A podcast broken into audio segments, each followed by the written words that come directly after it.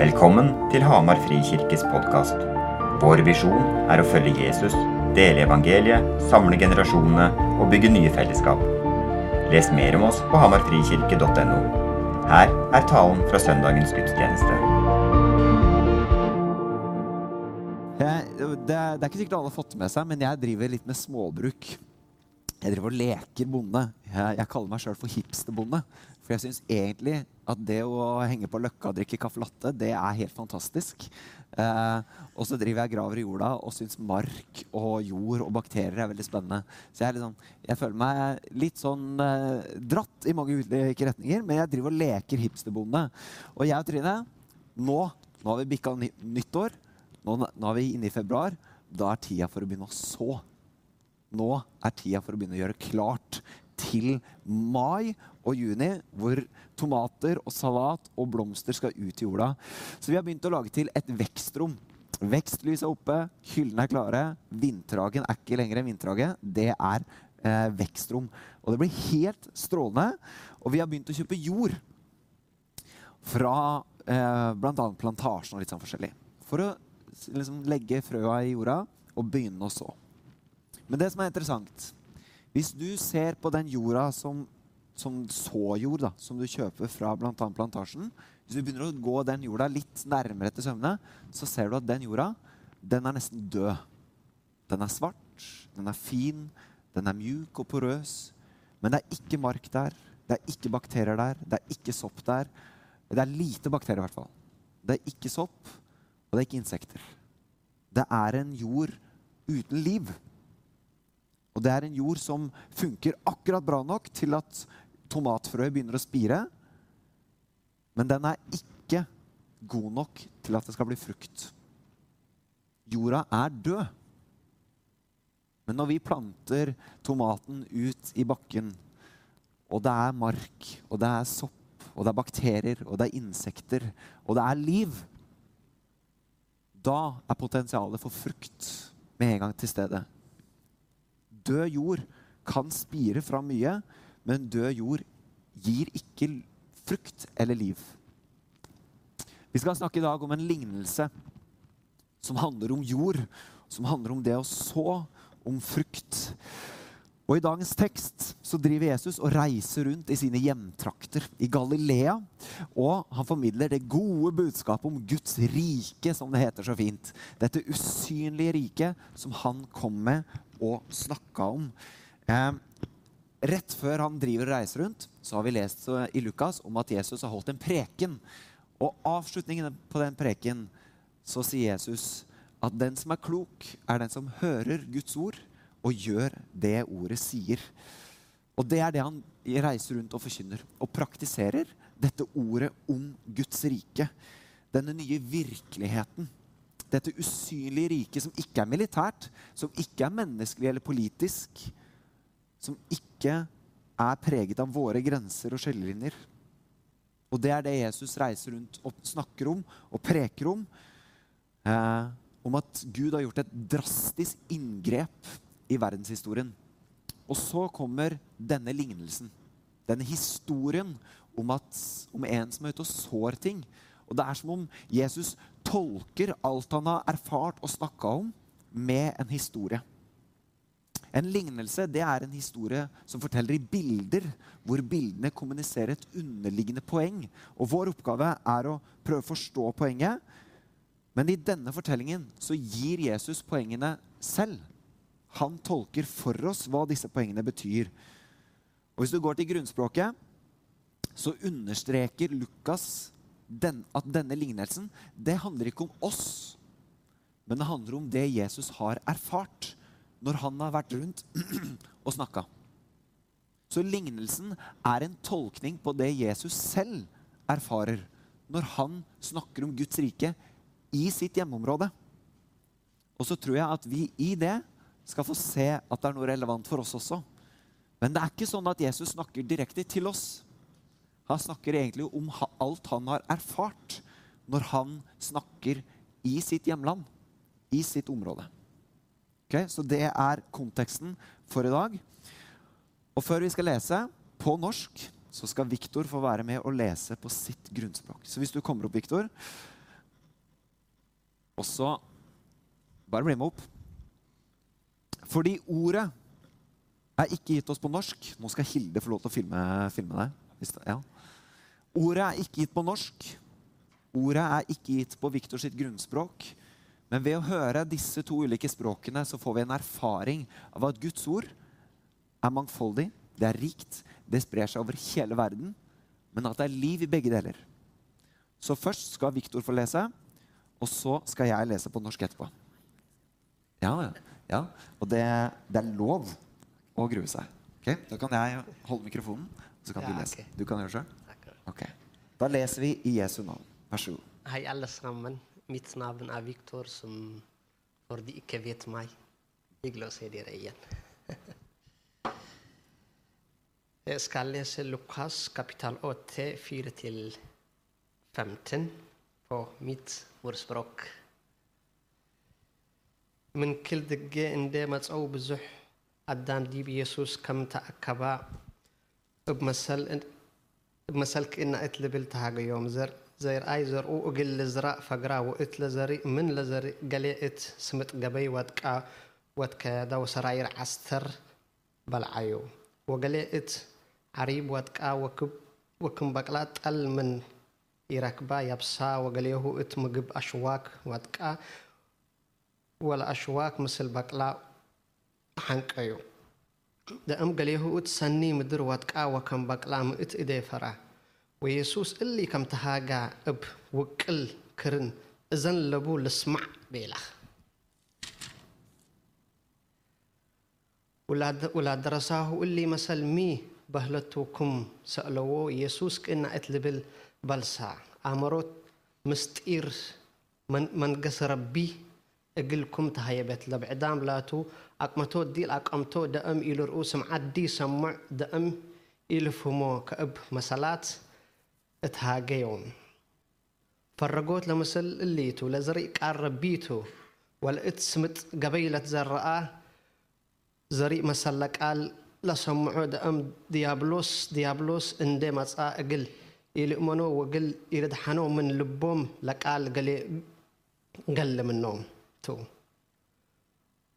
ولقيت عريب لتزرقا زريق مثل لقال لا سمع أب فرهت لتكبتو دأم قرب قرد على بوم على بومتو هتوم أقل قلي دول ليت أمنو كوكد كوكد فتنا عسو. ولقيت أشواك لتزرقا زريق مثل لقال سمع دأ دأم حقوه أب جهيت واتسقاب مطعم مطعم منبرو لا ለተሓነቆ ወእት ብሹል ፍሬ ለኢበፅሖቱ ደአም ለእት ሰኒ ምድር ለልትዘራእ ዘሪእ ምስል ለቃል ለሰሙዕ ወእብ ባርህ ሰኒ ልብ ለጸብጦ ወእግል ክህላት ፍሬ ለለፈሩቶ ታክ Vi kan gi han en applaus for det. Takk, Victor. Kan du bare sette deg.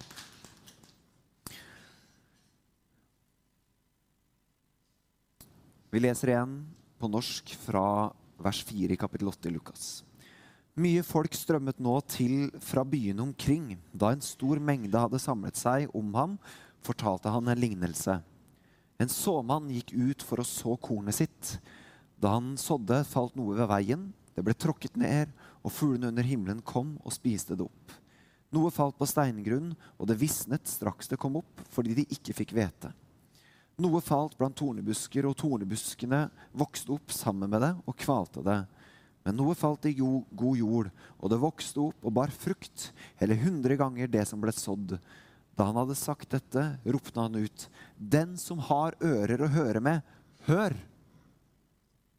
Disiplene spurte han hva denne lignelsen betydde. Han svarte, Dere er det gitt å kjenne Guds rikes hemmeligheter, men de andre får de lignelser for at de skal se, men ikke se, og høre, men ikke forstå. Dette er meningen med lignelsen. Såkornet er Guds ord. De ved veien er de som hører det, men så kommer djevelen og tar, bort, eh, tar ordet bort fra hjertet deres, for at de ikke skal tro og bli frelst. De på steingrunn er de som tar imot ordet med glede når de hører det, men de har ingen rot. De tror bare en tid, og når det blir satt på prøve, faller det fra. Det som falt blant tornebusker, er de som nok hører ordet, men som på veien gjennom livet kveles av bekymringer, rikdom og nytelser, så de ikke bærer fullmoden frukt. Men det i den gode jorden er de som hører ordet og tar vare på det i et fint og godt hjerte, så de er utholdende og bærer frukt.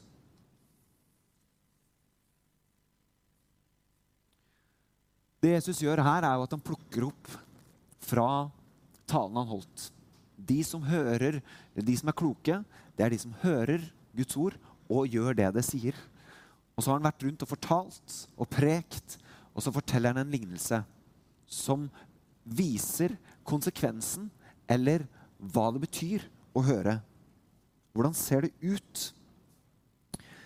I lignelsen så er det Guds ord som er frø som har potensial til liv. Og Det er interessant å se hvordan Jesus selv tror så tydelig at ordet har potensial til liv. Det er veldig interessant å se på. Det er ikke sånn at vi har funnet opp tanken om Guds ord. Men Jesus selv hadde en helt klar tanke om at ordene om det riket som han reiste rundt og fortalte, det er helt sentralt for at Guds rike skal skje. Uten at ord snakkes eller prekes eller forkynnes, så blir det ikke frukt. Jesus var jøde ikke sant? og kjente Gamletestamentet ut og inn. Mest sannsynlig kunne han det uten at han levde Salmenes bok. Han ba Salmenes bok. Han pusta Salmenes bok. Og i sentrum av Gamletestamentet, i Salme 119, så finner du det lengste boka, delboka, lengste kapitlet i hele Gamletestamentet, hele Bibelen. Og det handler kun om Guds ord. Om loven. Om han ber, hvordan man ba og snakka til seg selv om viktigheten av Guds ord. Dette kjente Jesus. Bibelen sier om seg selv Det er interessant. Bare hør den setningen. Hva sier Bibelen om seg selv? Hva sier Guds ord om Guds ord? Paulus skriver i 1. Timoteus brev at hvert ord i Skriften er innblåst av Gud. At Den hellige ånd har virket det og virket i det og virker gjennom det. Forfatteren av Hebreerbrevet sier at Guds ord er levende og kraftig. Jesus ble omtalt som Ordet, som ble menneske. Ord er helt sentralt i hvordan Gud formidler og åpenbarer seg selv. Ord er det Gud skaper ved. Gud skaper ikke ved å peke på en finger som Harry Potter, si en formel, og så skapes det. Han skaper ved å tale. Ord er skapende. Ord er liv. Ord er kraft. Det er en grunn til at ord skader og helbreder.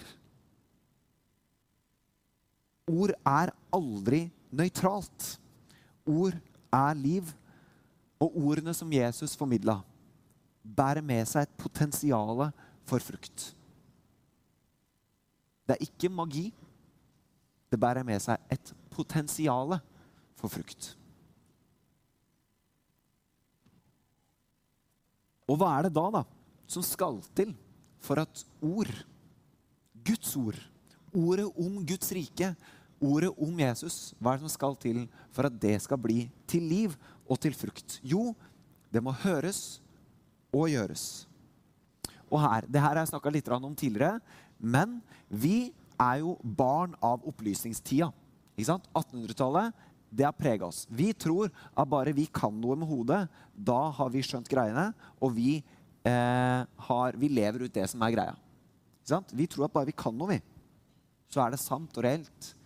Mens en jøde på Jesu tid ville jo vært helt sjokka av en sånn redusering. Han ville jo, nei, nei, nei, Bare fordi du kan det, så er det ikke sant for deg. Det er hvis det leves. Det er først da noe er sant. Så, en, så det å pugge noe ville jo ikke gitt mening hvis det ikke skal leves ut. Så når Jesus sier det må høres og gjøres, så formidler han en grunnleggende jødisk tankegang. Ikke sant? Mens vi, vi er litt redd. I hvert fall i hvert fall i det litt lavkirkelige, frikirkelige, konservative Nei, generelt alle protestanter, ville jeg sagt, er redd for det begrepet 'gjøre'. Fordi vi bærer med oss en frykt for loviskhet. Dvs. Si at du må gjøre noe for å bli frelst. Men det er ikke det Jesus formidler her. Han sier at det gir ikke mening i en jødisk filosofi å si at det er sant hvis du kan det med hodet, men ikke lever det ut. Men det er jo det opplysningstida har lært oss. ikke sant? Historien forenkler litt, men, men det, er det, det, er det, vi bærer med oss. Og det preger kirkene mer enn vi tror. Og det er kanskje også et behov for å adressere Luther, Calvin, Svingli på det her. da, Og si at ok, fint, nåde, veldig viktig, men la oss ikke glemme det å leve ut noe, slik Jesus snakka om. Teologen Joel Green understreker at i kapittel 8 hos Lukas så er det det å høre som er nøkkelen. Fra vers 8 til vers 21 så bruker Lukas 'høre' åtte ganger. Det er utrolig mange ganger. Så Lukas har jo ett poeng her. Dere må høre! Og det er grunnen til at Jesus ropte det ut. Den som har ører å høre med, hør! Det er et poeng her. Dere må høre og gjøre. For det ligger under der. Så hvis det er noe dere skal få med dere i dag, så er det dette. Å høre er en nøkkel i det at det skal bli frukt. For det er ikke slik at alle som hører alt, og at alt blir til frukt. Det er jo derfor denne lignelsen tolker det Jesus selv erfarer. Han snakker jo til masse folk, til folkemengder. Han ser jo det er, jo det er jo ikke sånn at alle lever dette ut. Akkurat som at det er ikke alle hos oss. Eller jeg. Jeg får ikke med meg alt. Jeg har lest Bibelen flere ganger. Hver dag. Det er ganske mye jeg leser som ikke blir til noe i mitt liv. Noe annet ville jo vært en løgn. Jeg hadde jo vært sinnssykt bra hvis det hadde vært tilfellet. Jeg hadde jo vært strålende. Men det er jeg ikke. Poenget er jo at det å høre og gjøre er to sider av samme sak. Men hva vil det si å høre, da? Hvordan hører vi? Startpunktet til Jesus her er at for å høre så må det tro til.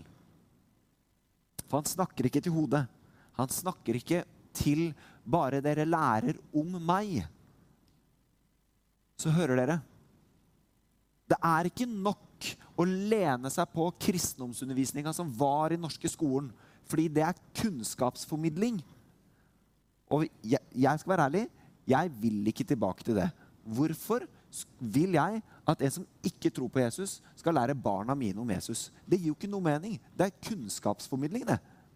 Det er ikke det Jesus snakker om her, men det er det opplysningsmennesket tenker at det handler om. Jeg, jeg vil ikke tilbake til det.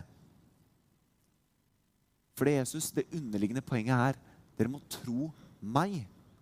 Det er første punktet for å høre. Tro meg. Jeg kan høre om Guds rike, men hvis jeg ikke tror Jesus som Messias, som konge, så vil ikke ordene om Guds rike bli til frukt. Det kan bli til kunnskap, men det er ikke frukt. Skjønner dere at jeg setter opp et skille her som jeg mener er helt essensielt? Men hva da for oss som tror?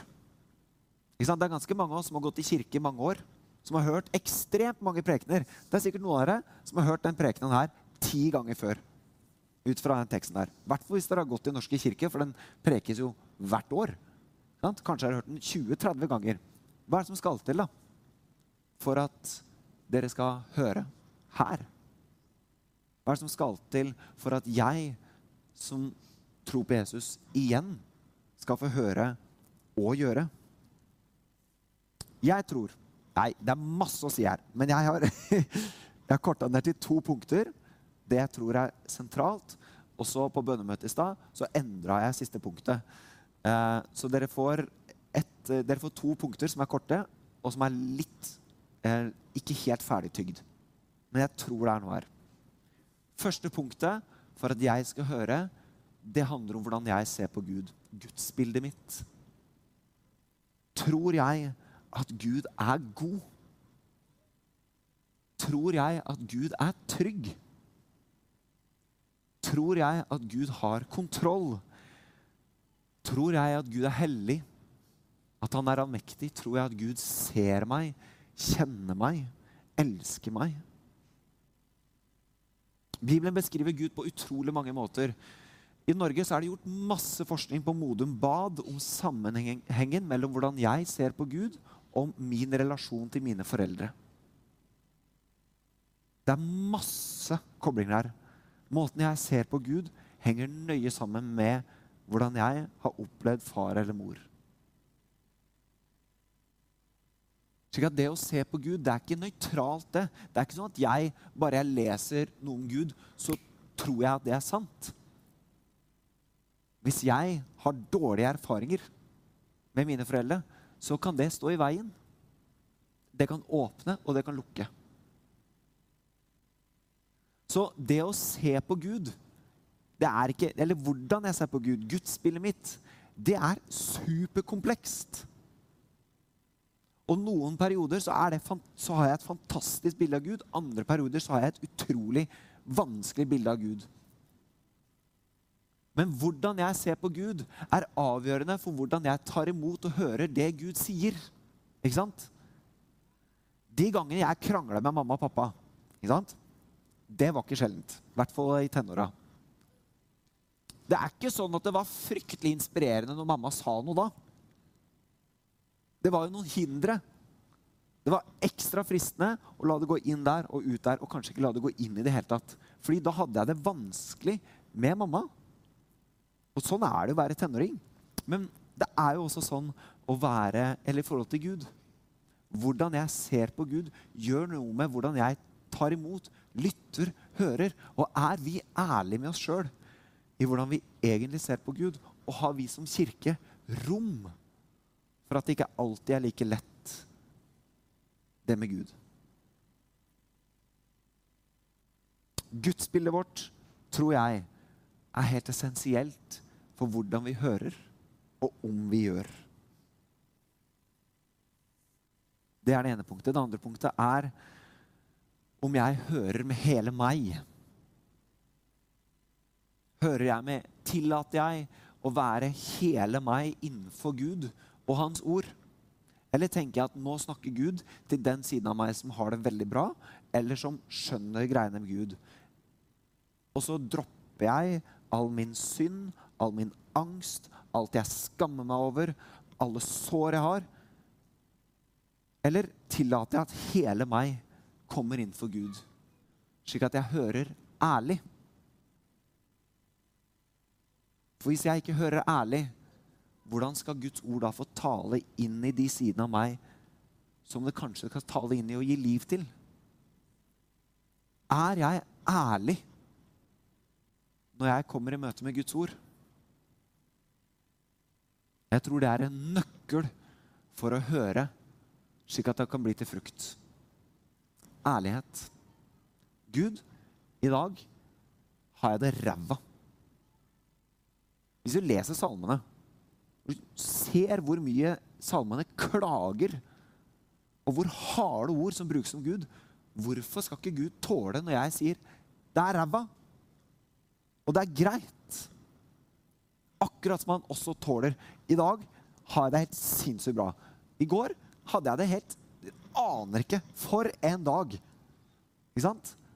Hele meg innenfor hele Gud. Hele meg i møte med hele Guds ord.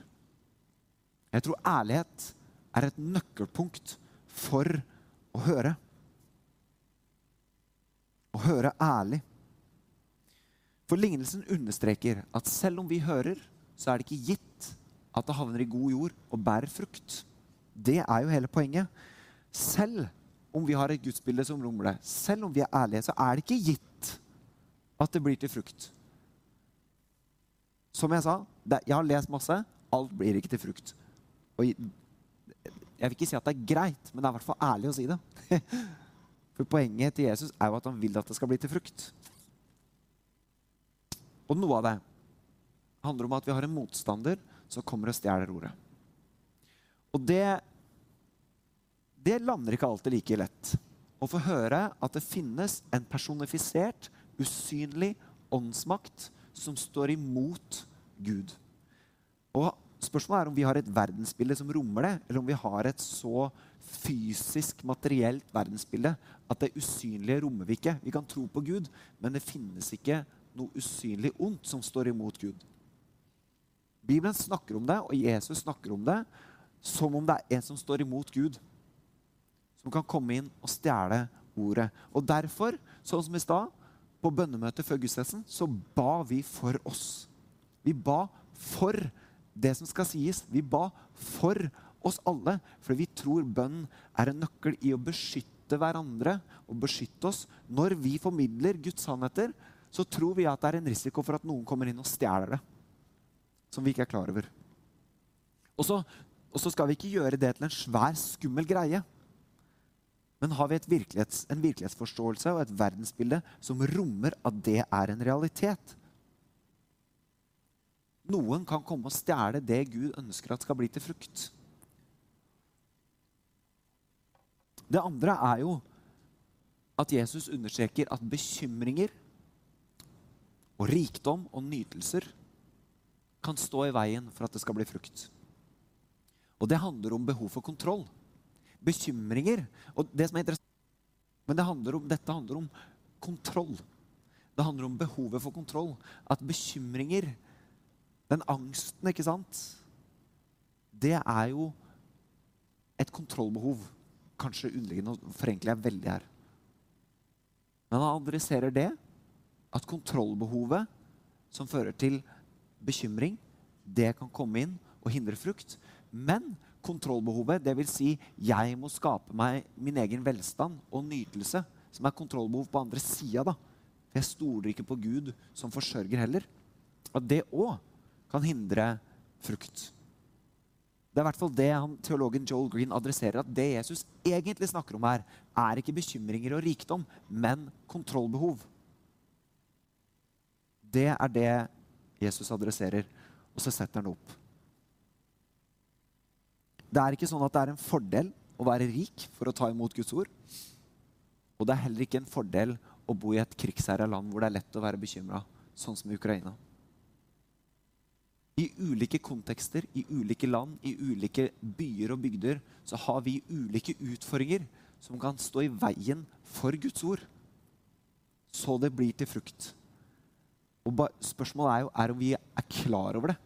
Og jeg sier ikke dette som en sånn derre Nå må du tenke etter om du er bekymra eller om du er sykt rik. Det er ikke det jeg sier. For det Jesus inviterer til, er å stole på seg. Og i det så ligger potensialet for frukt når vi hører Guds ord. Er vi bekymra eller distrahert av rikdom? Det må du finne ut av. Det er opp til deg. Vi skal gå mot en annen avslutning. Eh, Joel Green, han teologen som jeg har lest da for å forberede meg til i dag, han understreker at det Lukas prøver, det er så konkret, prøver å få fram, er at vi må høre ordet, men at det er noen faktorer vi må være klar over i forhold til om vi evner å ta imot ordet, så det kan bli til frukt. Det er det det handler om. Hvordan vi hører, er avgjørende for om Guds ord blir til frukt. Gudsbildet, ærlighet, holdningen vår. Og veien fra såing til frukt er ikke enkel. Jeg, det er ikke sånn at bare jeg putter et, et tomatfrø i jorda, så er det strømlinjeforma til å høste solmodne, digge, sprø, søte tomater i august. Veien fram dit, den er ganske kronglete, den. Så det er ikke sånn at bare vi hører og gjør, så blir det frukt. Da forenkler vi livet i etterfølelsen av Jesus veldig. Det er ikke så enkelt. Det er derfor ærlighet tror jeg er en nøkkel. For hvis vi er ærlige, så forholder vi oss realistisk til livsveien.